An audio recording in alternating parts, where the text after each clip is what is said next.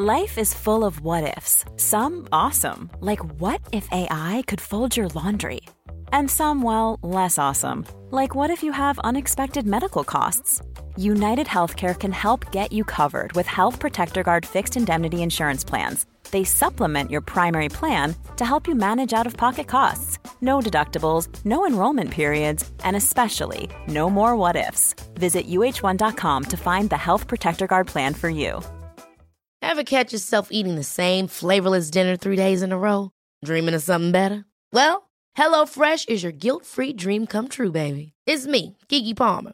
Let's wake up those taste buds with hot, juicy pecan crusted chicken or garlic butter shrimp scampi. Mm.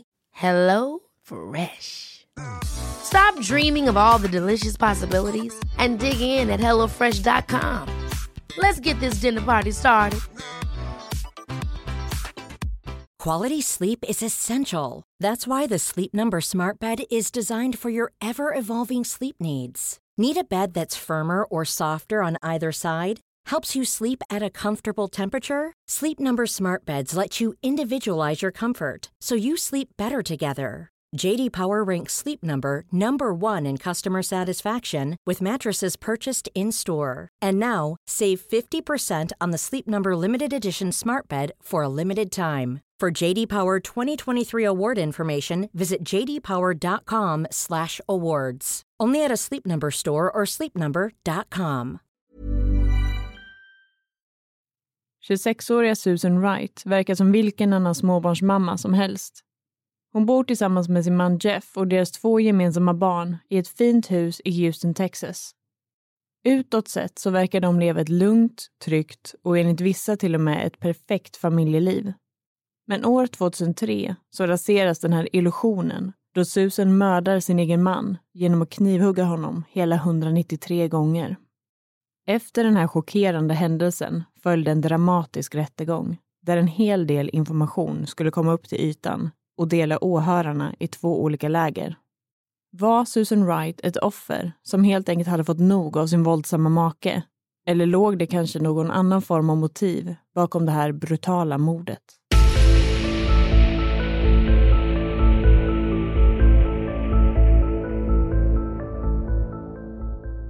Hej på er och varmt välkomna ska ni vara till ännu ett avsnitt av Rysapodden. Och den här veckan har det ju återigen blivit dags för oss att prata om ett mordfall som har blivit väldigt uppmärksammat runt om i USA, men framför allt i Houston, Texas, där det faktiskt inträffade. Och det vi pratar om är alltså fallet kring den unga tvåbarnsmamman Susan Wright som sent en kväll mördade sin man Jeff Wright i deras eget hem för att sen begrava honom ute i trädgården. Ja, och det här fallet var ju så pass chockerande eftersom att familjen Wright utåt sett och enligt många i deras omgivning beskrivs som en perfekt familj med två små barn som bodde tillsammans i ett fint hus och verkade ha det bra. Men en dag så förändrades allt det här när Susan blev gripen för det här minst sagt brutala mordet. Ja, och till en början verkade det lite som att det här kom från ingenstans. Men i samband med Susans gripande och under den senare rättegången så skulle det ju visa sig att deras liv troligtvis inte alls hade varit så som det verkade utåt. Och att det fanns en lång historik av våld och trauma som slutligen drev henne till att utföra den här fruktansvärda gärningen och att avsluta sin mans liv en gång för alla. Ja, det är ju i alla fall den ena sidan av myntet i det här fallet. För det finns ju nämligen också en helt annan sida som istället handlar om att det här var ett oerhört välplanerat mord och att det bland annat fanns ekonomiska motiv bakom Susans agerande. Men det här kommer vi såklart att komma in på lite senare i avsnittet. Så här och nu tycker jag helt enkelt att vi tar och sätter igång med själva ämnet för den här veckan.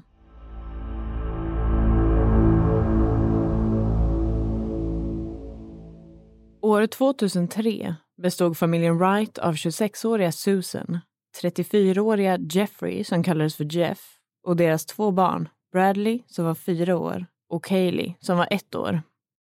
De bodde i staden Houston som ligger i Harris County i delstaten Texas. Där levde den till synes perfekta lilla familjen tillsammans i ett fint hus som de flyttade in i år 1999.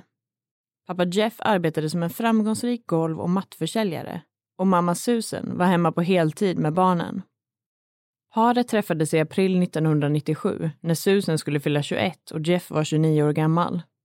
Susan har beskrivit att Jeff gav henne all den uppmärksamhet som hon hade kunnat önska. Han gav henne blommor, bjöd med henne ut på fina restauranger och sa att han älskade henne.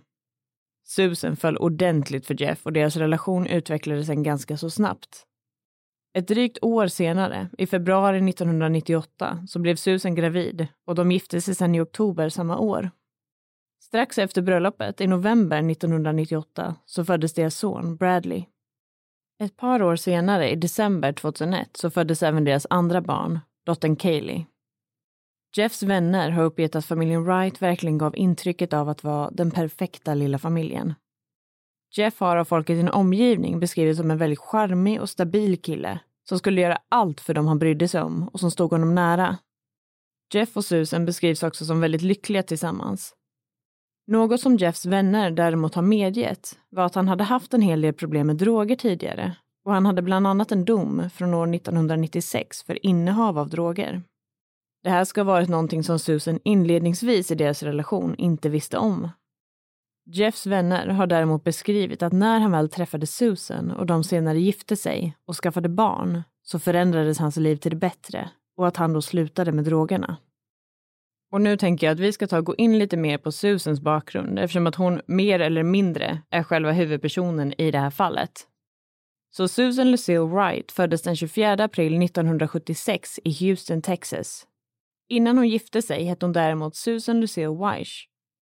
Hon växte upp i vad som brukar beskrivas som en typisk medelklassfamilj bestående av hennes föräldrar, Jimmy och Sue, samt sina två syskon, Cindy och Jim. Susan ska under större delen av sin uppväxt ha varit en ganska så osäker person och ska ha haft väldigt svårt med att stå upp för sig själv. Bland annat tidningen Texas Monthly har skrivit en hel del om de specifika familjeförhållandena som Susan växte upp i vilket vi också kommer att komma in lite mer på senare under avsnittet.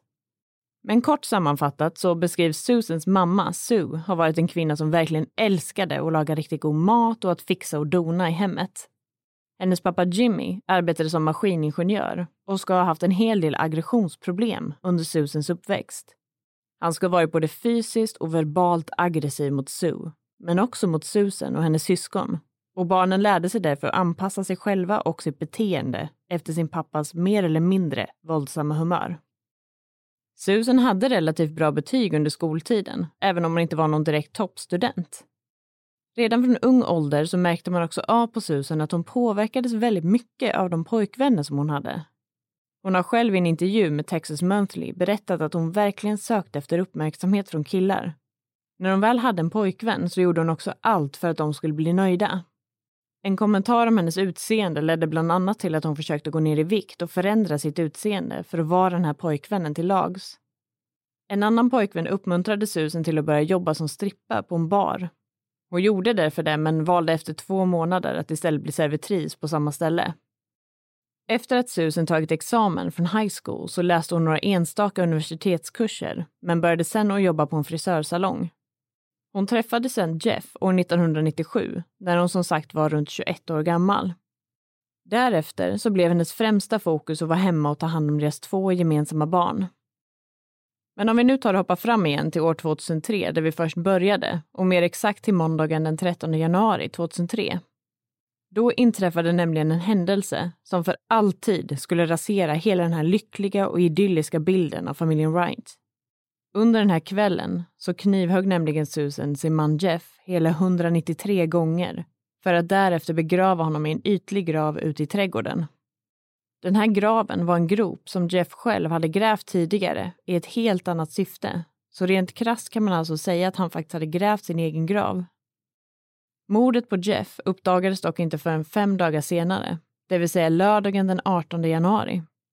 Då gick nämligen advokaten Neil Davis in på åklagarmyndigheten i Harris County och berättade att polisen borde bege sig hem till familjen Wright eftersom att de då skulle upptäcka en kropp som låg begravd i deras trädgård.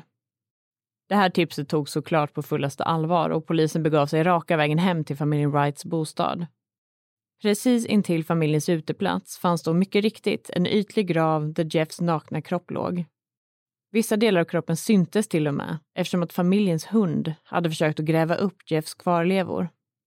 Utöver själva kroppen så hittade man bland annat också en blodig madrass och ett överkast.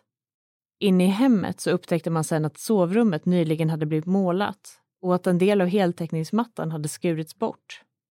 I sovrummet hittades även en del blodstänk på gardiner och flera andra föremål. Och utöver det här så hittade man även ett kvitto på blekmedel, ett par blekta jeans i storlek 36 och en handduk. Jeffs kropp hade som sagt fått motta hela 193 knivhugg. De här knivhuggen var bland annat fördelade så att han hade över 40 hugg mot ansiktet, över 20 hugg mot nacken, över 45 mot bröstet, över 20 mot magen, dryga 20 hugg mot benen, ungefär lika många mot hans armar och händer, samt ett enstaka knivhugg mot ryggen. Han hade även hugg i könsområdet, varav ett sår, ungefär som ett skrapsår, på sin penis. Toppen på mordvapnet, alltså kniven, satt fortfarande fast i hans huvud. Jeff hade dessutom märken efter att ha varit bunden. Hans vrister hade fortfarande slipsar knutna runt sig och hans högra fot var bunden med vad som såg ut att vara skärpet till en morgonrock. Utöver det här så hade han även stearin på sina lår och sitt kön.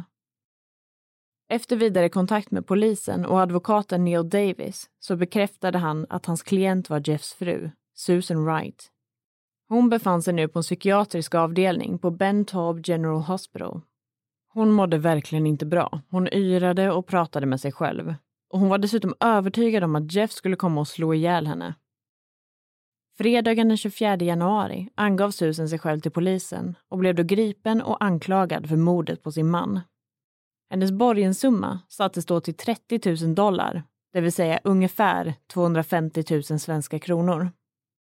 I samband med att Susan sen ska ge sin redogörelse kring vad som faktiskt hände under kvällen den 13 januari så uppdagas en helt annan sida kring vad som faktiskt försiggått inom väggarna av deras fina familjehem. En sida fylld med fysiskt, psykiskt och sexuellt våld samt missbruk. Susan beskrev då nämligen att efter att deras son Bradley föddes så förändrades Jeff. Han blev kontrollerande och hade inget som helst tålamod med henne och blev arg över minsta lilla sak. Han rökte även marijuana i princip dagligen, någonting som senare istället övergick till kokain. Han kallade henne tjock eftersom att hon hade gått upp i vikt i samband med graviditeten. Och när Susan berättade för Jeff att hon hade blivit diagnostiserad med förlossningsdepression så blev han ännu argare. Han vägrade låta henne ta sina antidepressiva tabletter som hon hade fått utskrivet från läkaren och sa åt henne att istället bara bita ihop och göra sitt jobb. Jeff hade också börjat begränsa Susans aktiviteter och rutiner och lät henne bara göra kortare resor till affären för att handla mat.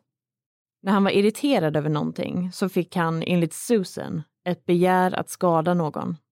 Det kunde handla om små vardagliga saker som att han hade haft en riktigt dålig dag eller att de hade fått hem en oväntat dyr räkning.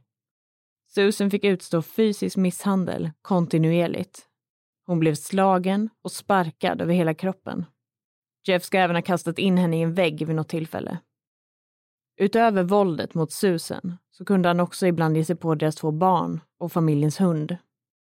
Inledningsvis så berättade inte Susan för någon om vad hon blev utsatt för i hemmet. Hon ska nämligen ha skämts och känt att det var hennes eget fel att hon blev utsatt för allt det här fysiska och psykiska våldet. Hon dolde därför sina blåmärken och skyllde på sin egen klumpighet. Hon valde inte heller att anmäla misshandeln till polisen eller uppsöka en läkare för vård efter att skadorna hade uppkommit. Under sommaren 1999, bara ett par månader efter inflytten i deras hus, så gjorde Susan ett försök till att lämna Jeff. Anledningen till det här var ytterligare en misshandel, där han sen också hade tvingat Susan att be om ursäkt för misshandeln. Susan tog då sonen Bradley och packade därefter ihop alla sina saker med hjälp av sin syster Cindy och hennes man.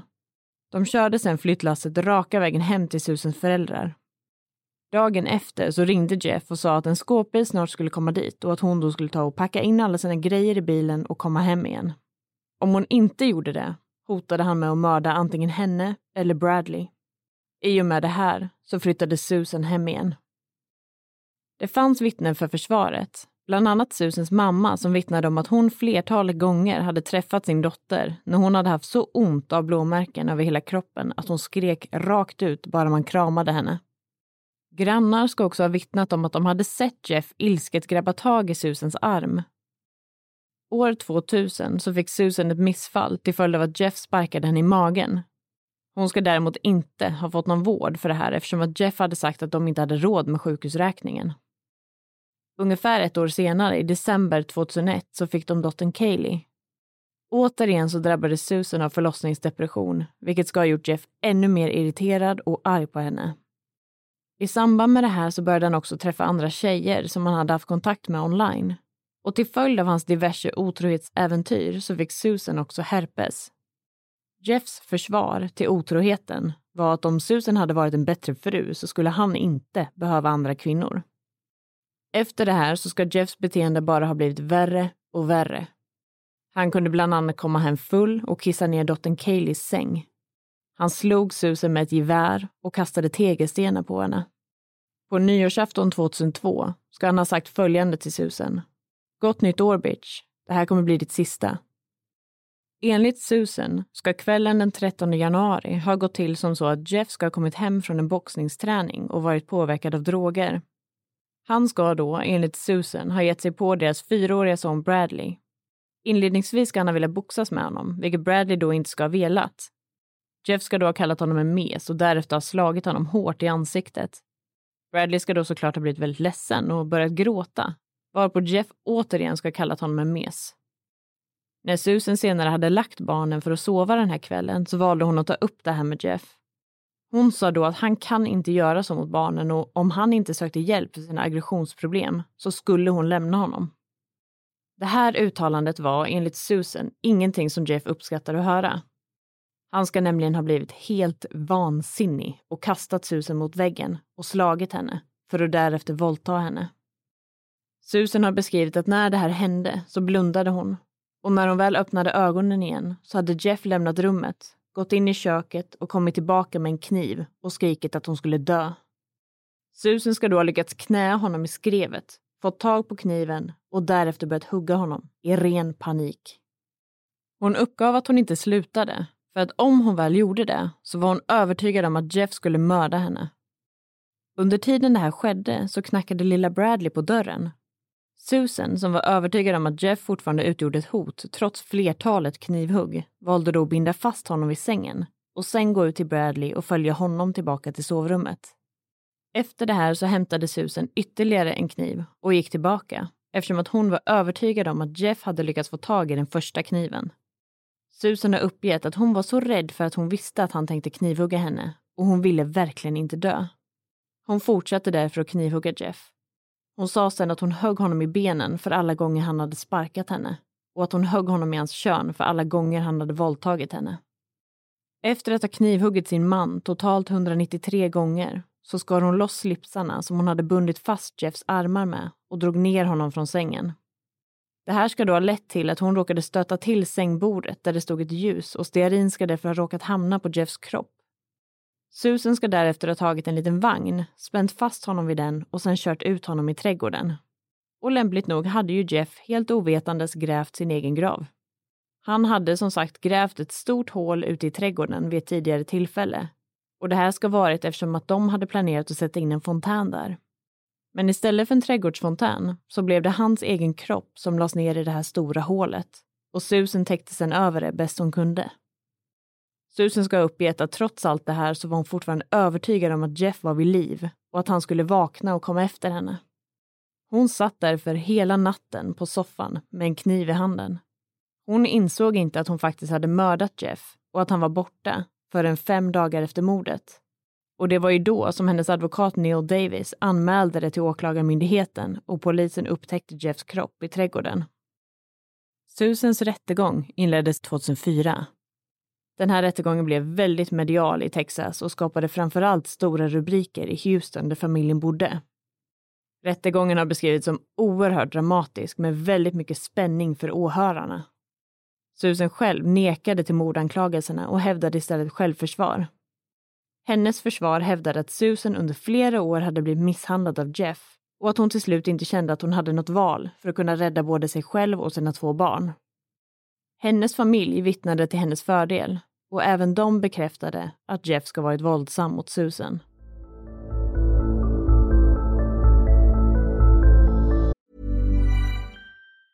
Hey, I'm Ryan Reynolds. Recently, I asked Mint Mobile's legal team if big wireless companies are allowed to raise prices due to inflation. They said yes. And then when I asked if raising prices technically violates those onerous two-year contracts, they said, "What the f*** are you talking about? You insane Hollywood ass." So to recap, we're cutting the price of Mint Unlimited from $30 a month to just $15 a month. Give it a try at mintmobile.com slash switch. $45 upfront for three months plus taxes and fees. Promo rate for new customers for limited time. Unlimited more than 40 gigabytes per month. Slows. Full terms at mintmobile.com. There's never been a faster or easier way to start your weight loss journey than with PlushCare. PlushCare accepts most insurance plans and gives you online access to board-certified physicians who can prescribe FDA-approved weight loss medications like Wigovi and Zepbound for those who qualify. Take charge of your health and speak with a board-certified physician about a weight loss plan that's right for you. Get started today at plushcare.com slash weight loss. That's plushcare.com slash weight loss. plushcare.com slash weight loss. If you're looking for plump lips that last, you need to know about Juvederm lip fillers. With Juvederm Volbella XC and Juvederm Ultra XC, your lip look, whether it's subtle or bold, can last up to one full year with optimal treatment and no additional maintenance. Find a licensed specialist and see if it's right for you at juvederm.com today. That's J U V E D E R M.com. Add fullness to lips in adults over 21 with Juvederm Volbella XC or Juvederm Ultra XC. Do not use if you have severe allergies or a history of severe allergic reactions, or if you're allergic to lidocaine or the proteins used in Juvederm. Tell your doctor if you have a history of scarring or taking medicines that decrease the body's immune response or that can prolong bleeding. Common side effects include injection site redness, swelling, pain, tenderness, firmness, lumps, bumps, bruising, discoloration, or itching. As with all fillers, there's a rare risk of unintentional injection into a blood vessel, which can cause vision abnormalities, blindness, stroke, temporary scabs, or scarring. For full important safety information, visit juvederm.com.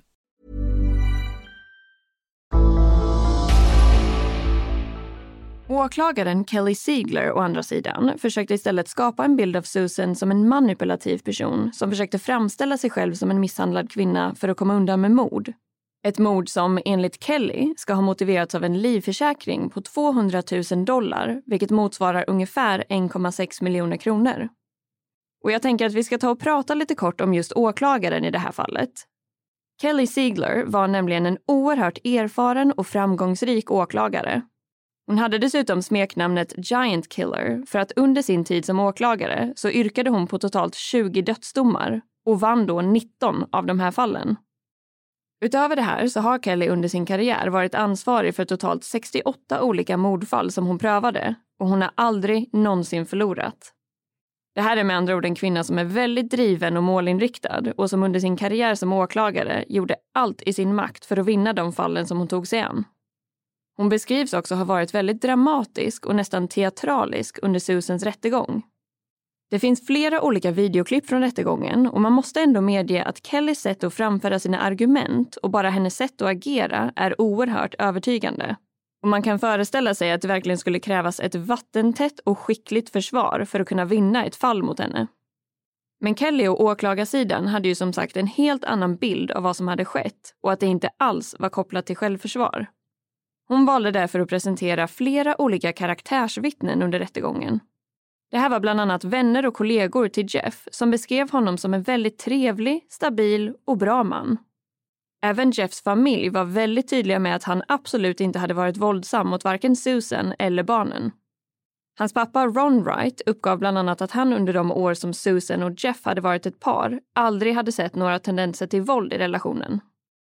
Utöver de här starka vittnesmålen hade Kelly dessutom flera argument på lager som talade emot Susans utsaga kring vad som hade hänt. Det första som hon lyfte och ifrågasatte var själva mordtillfället. Hon var nämligen övertygad om att Susan medvetet hade manipulerat och lurat sin man just den här kvällen.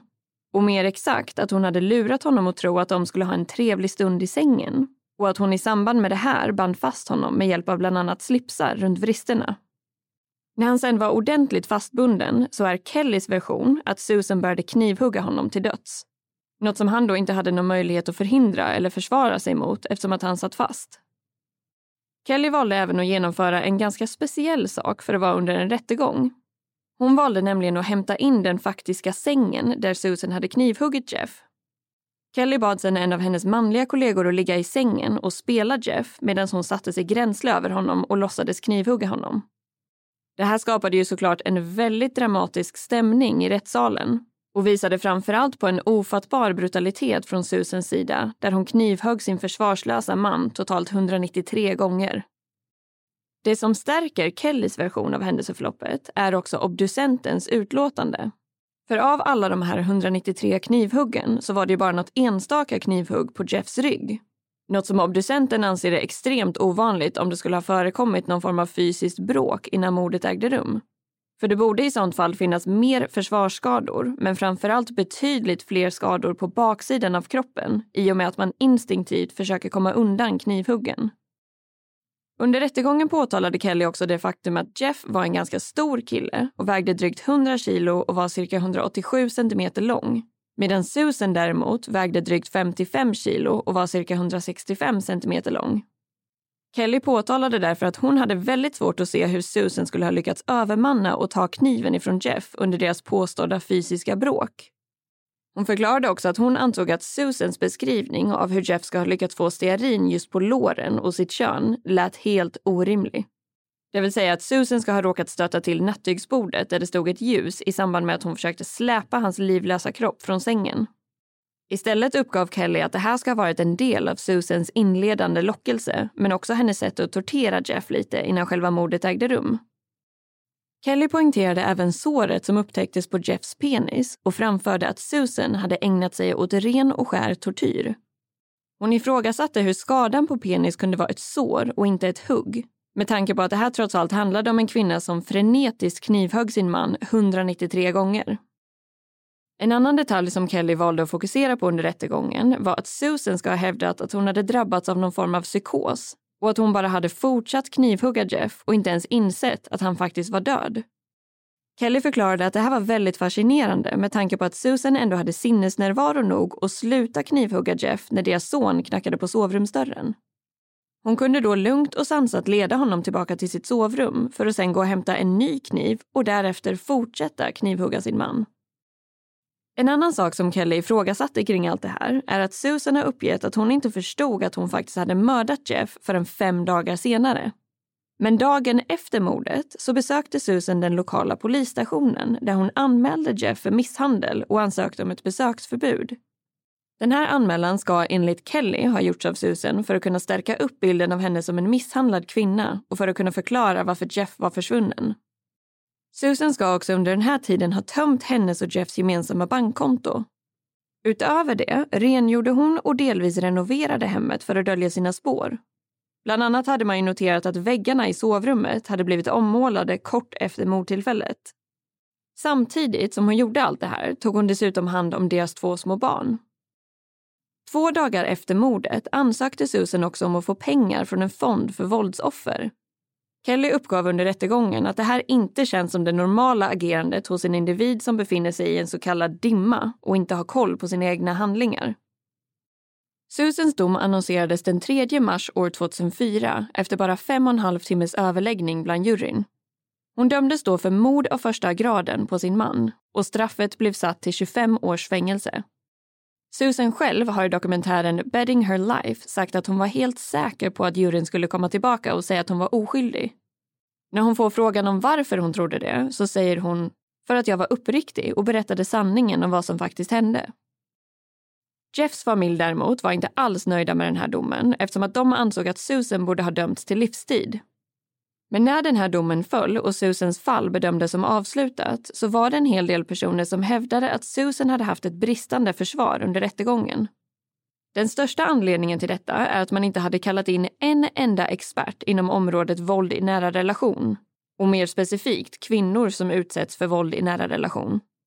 Ingen expert fanns därför på plats under rättegången för att kunna svara på frågor och bemöta uttalanden i stil med “Varför inte bara skilja sig?”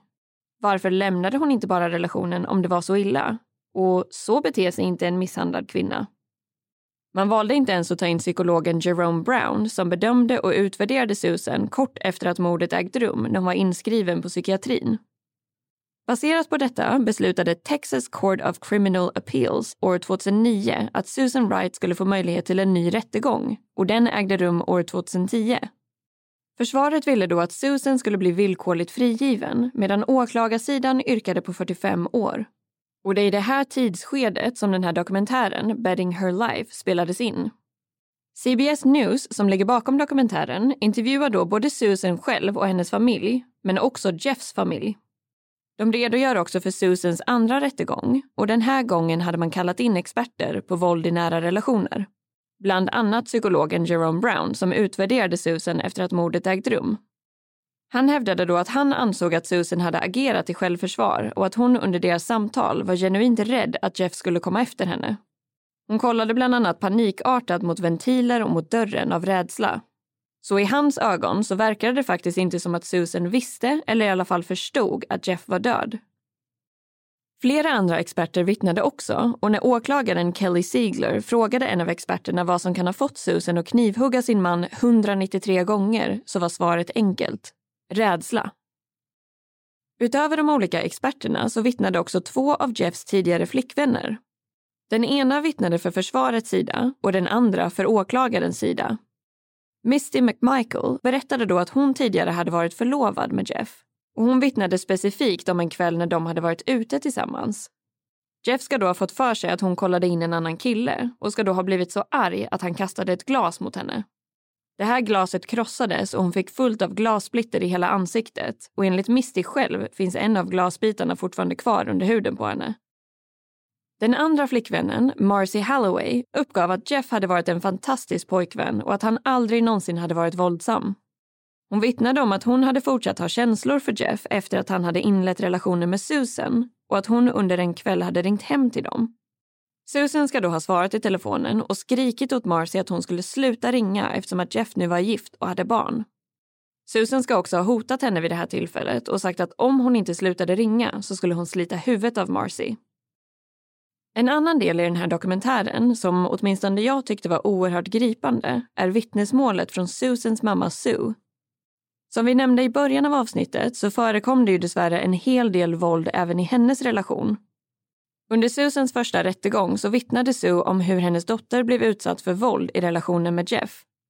Åklagaren Kelly å andra sidan försökte få det till att Susan hade lärt sig om hur man skulle bete sig som en misshandlad kvinna från sin mamma eftersom att hon blev misshandlad av sin man. Kelly riktade sig sen direkt mot Sue och ställde frågan Stämmer det inte att din man har misshandlat dig? Under den här rättegången så levde Susans pappa Jimmy och han satt dessutom bland åhörarna i salen när Sue fick just den här frågan. Sues svar blev därför “Jag ser inte min man som en misshandlare”. Vid den andra rättegången så hade däremot Susans pappa dött. Sue får då frågan kring det här uttalandet och bryter ihop totalt. Hon säger sen att åklagaren vid första rättegången, alltså Kelly Siegler, borde ha vetat bättre än att ställa en sån typ av fråga. Om Sue hade berättat vad hennes man faktiskt hade utsatt henne för så skulle hon kanske inte ha överlevt när de väl kom hem igen. Därefter skrek hon följande mening. You get kicked, you get beaten and you don't tell. Det vill säga, du blir sparkad, du blir slagen och du berättar inte. Juryn kom senare tillbaka med en ny dom.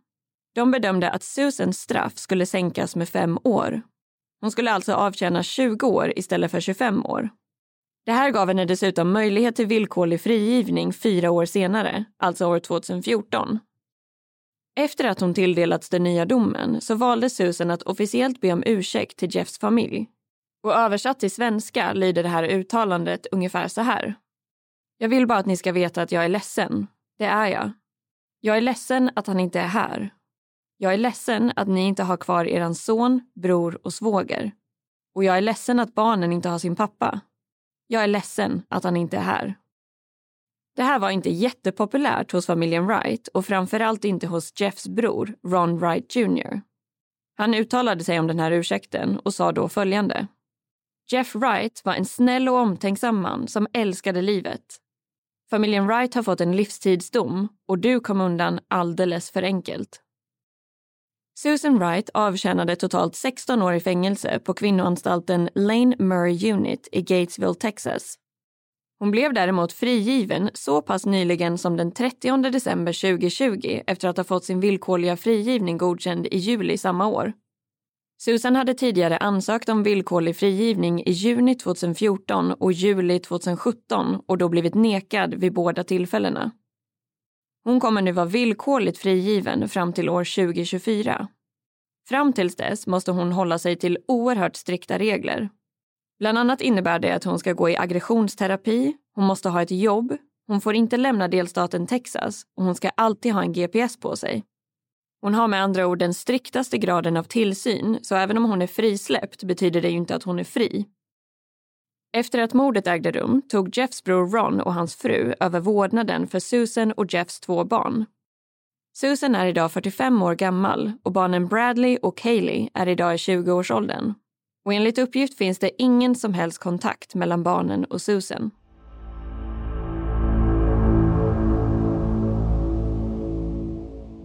Ja, om det är någonting man kan säga säkert i det här fallet så är det ju i alla fall att ett väldigt brutalt mord ägde rum i deras hem den där natten. Och att 193 knivhugg kanske är något i överkant för vad man egentligen kan kalla självförsvar. Men det vi däremot inte vet är ju exakt hur det här faktiskt gick till och vad som hade hänt i deras relation fram till det här avgörande ögonblicket. Nej, och det är nog egentligen bara Susan och Jeff själva som vet det. Så i vanlig ordning kan man ju bara spekulera kring det här och hoppas på att det var rätt beslut att Susan faktiskt blev frigiven till slut. Men om allt som hon har berättat är sant, eller ens vissa delar av det är sant, så kan man ju absolut förstå att det fanns tillräckligt mycket uppbyggd ilska för att faktiskt kunna göra något så här pass extremt. Det rättfärdiga är ju såklart inte att ta en annan persons liv, men däremot kan det i alla fall på något vis förklara varför det blev som det blev. Men att det var självförsvar i just den stunden har man ju kanske lite svårt att tro på. Utan snarare i så fall att det var så kallat självförsvar för flera år av fysisk och psykisk misshandel. Och att allt det här helt enkelt samlades upp och släpptes ut på en och samma gång under just den här kvällen. Ja, men precis. Och om det nu är så att Jeff faktiskt hade behandlat Susan så pass illa som hon påstår, då är det ju ändå lite sjukt att hon har blivit stämplad som en brutal och känslokall mördare medan man knappt pratar om vad han gjorde mot henne och barnen under så pass många år. Men som sagt finns det ju en annan sida av det här myntet och det är ju faktumet att Susan gjorde en del märkliga administrativa saker efter att mordet ägde rum. Så att det finns folk som har sina misstankar kan man ju verkligen förstå. Men jag tror nog att vi båda känner samma sak i det här fallet och det är ju att mordet troligtvis inte gick till exakt så som Susan har beskrivit och att det kanske var mer planerat än hon har erkänt. Men däremot så kan man som sagt på ett sätt förstå varför det blev så här till slut. Även om det såklart hade funnits betydligt bättre sätt att lösa problemet på än att knivhugga Jeff 193 gånger och gräva ner honom i trädgården. Ja, och det är ju också väldigt synd att det blev så här eftersom att hon nu inte heller får ha någon kontakt med sina barn. För om hon talar sanning kring Jeffs beteende kan man ju tänka sig att det också var för barnens skull och deras säkerhet som hon ville bli av med Jeff. Men som sagt, man kan ju sitta och tycka och tänka och spekulera bäst man vill i det här. Men oavsett vad som stämmer och inte så är ju det här en fruktansvärt tragisk och sorglig historia för alla inblandade. Och man kan ju absolut förstå varför det blev ett så pass omtalat fall och att det måste ha varit chockerande på så många olika sätt. Så inte helt oväntat så finns det ju en hel del olika dokumentärer, poddar och till och med film kopplat till det här fallet. Det finns bland annat en film som heter The Blue-Eyed Butcher som släpptes 2012 och som är baserad på fallet kring Susan Wright. Och nu har vi bara sett själva trailern till den här filmen och eh, utifrån den så har i alla fall inte vi blivit övertygade om att kolla på hela den filmen. Men det finns också en tv-serie som heter Snapped som handlar om just kvinnor som mördar. Och där har man bland annat gjort ett avsnitt om just Susan Wright. Ja, och en annan person som faktiskt har valt att ge sig in i den mediala världen är ju åklagaren i det här fallet, Kelly Ziegler. Hon jobbade nämligen sen som programledare för tv-programmet Cold Justice, som är ett utredande true crime-program. Och i det här programmet så går de igenom och försöker hitta lösningar på olika typer av olösta mord. År 2018 så hade den här serien faktiskt lyckats få till bland annat 35 gripanden, 18 domar och flera erkännanden. Men som vanligt så presenterar vi bara lite av vad som finns där ute och så får ni själva ta del av det som ni tycker känns mest intressant. Yes, och med det sagt så har det faktiskt blivit dags för oss att sätta punkt för den här veckans avsnitt. Men i vanlig ordning hörs vi igen redan nästa måndag och då kommer vi att prata om ett fall som återigen kommer att lämna er med väldigt många obesvarade frågor och funderingar. Så det är bara att bara förbereda er redan nu. Och som alltid vill vi skicka med ett stort tack för att just du har lyssnat på det här avsnittet av Rysapodden.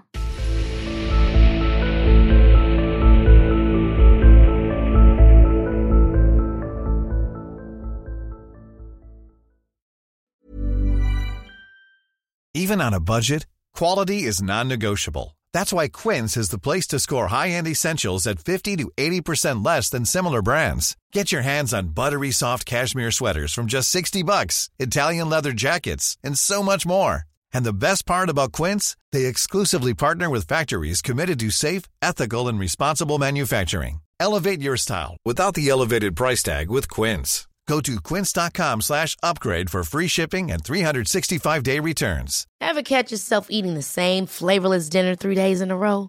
Dreaming of something better? Well, HelloFresh is your guilt-free dream come true, baby. It's me, Kiki Palmer.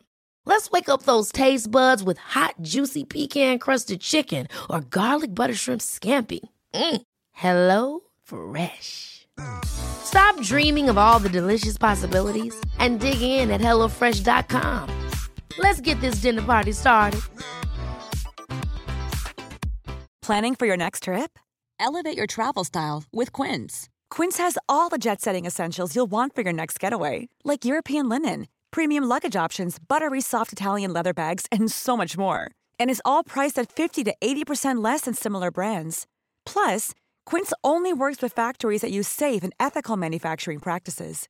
Pack your bags with high-quality essentials you'll be wearing for vacations to come with Quince. Go to quince.com/pack for free shipping and 365-day returns.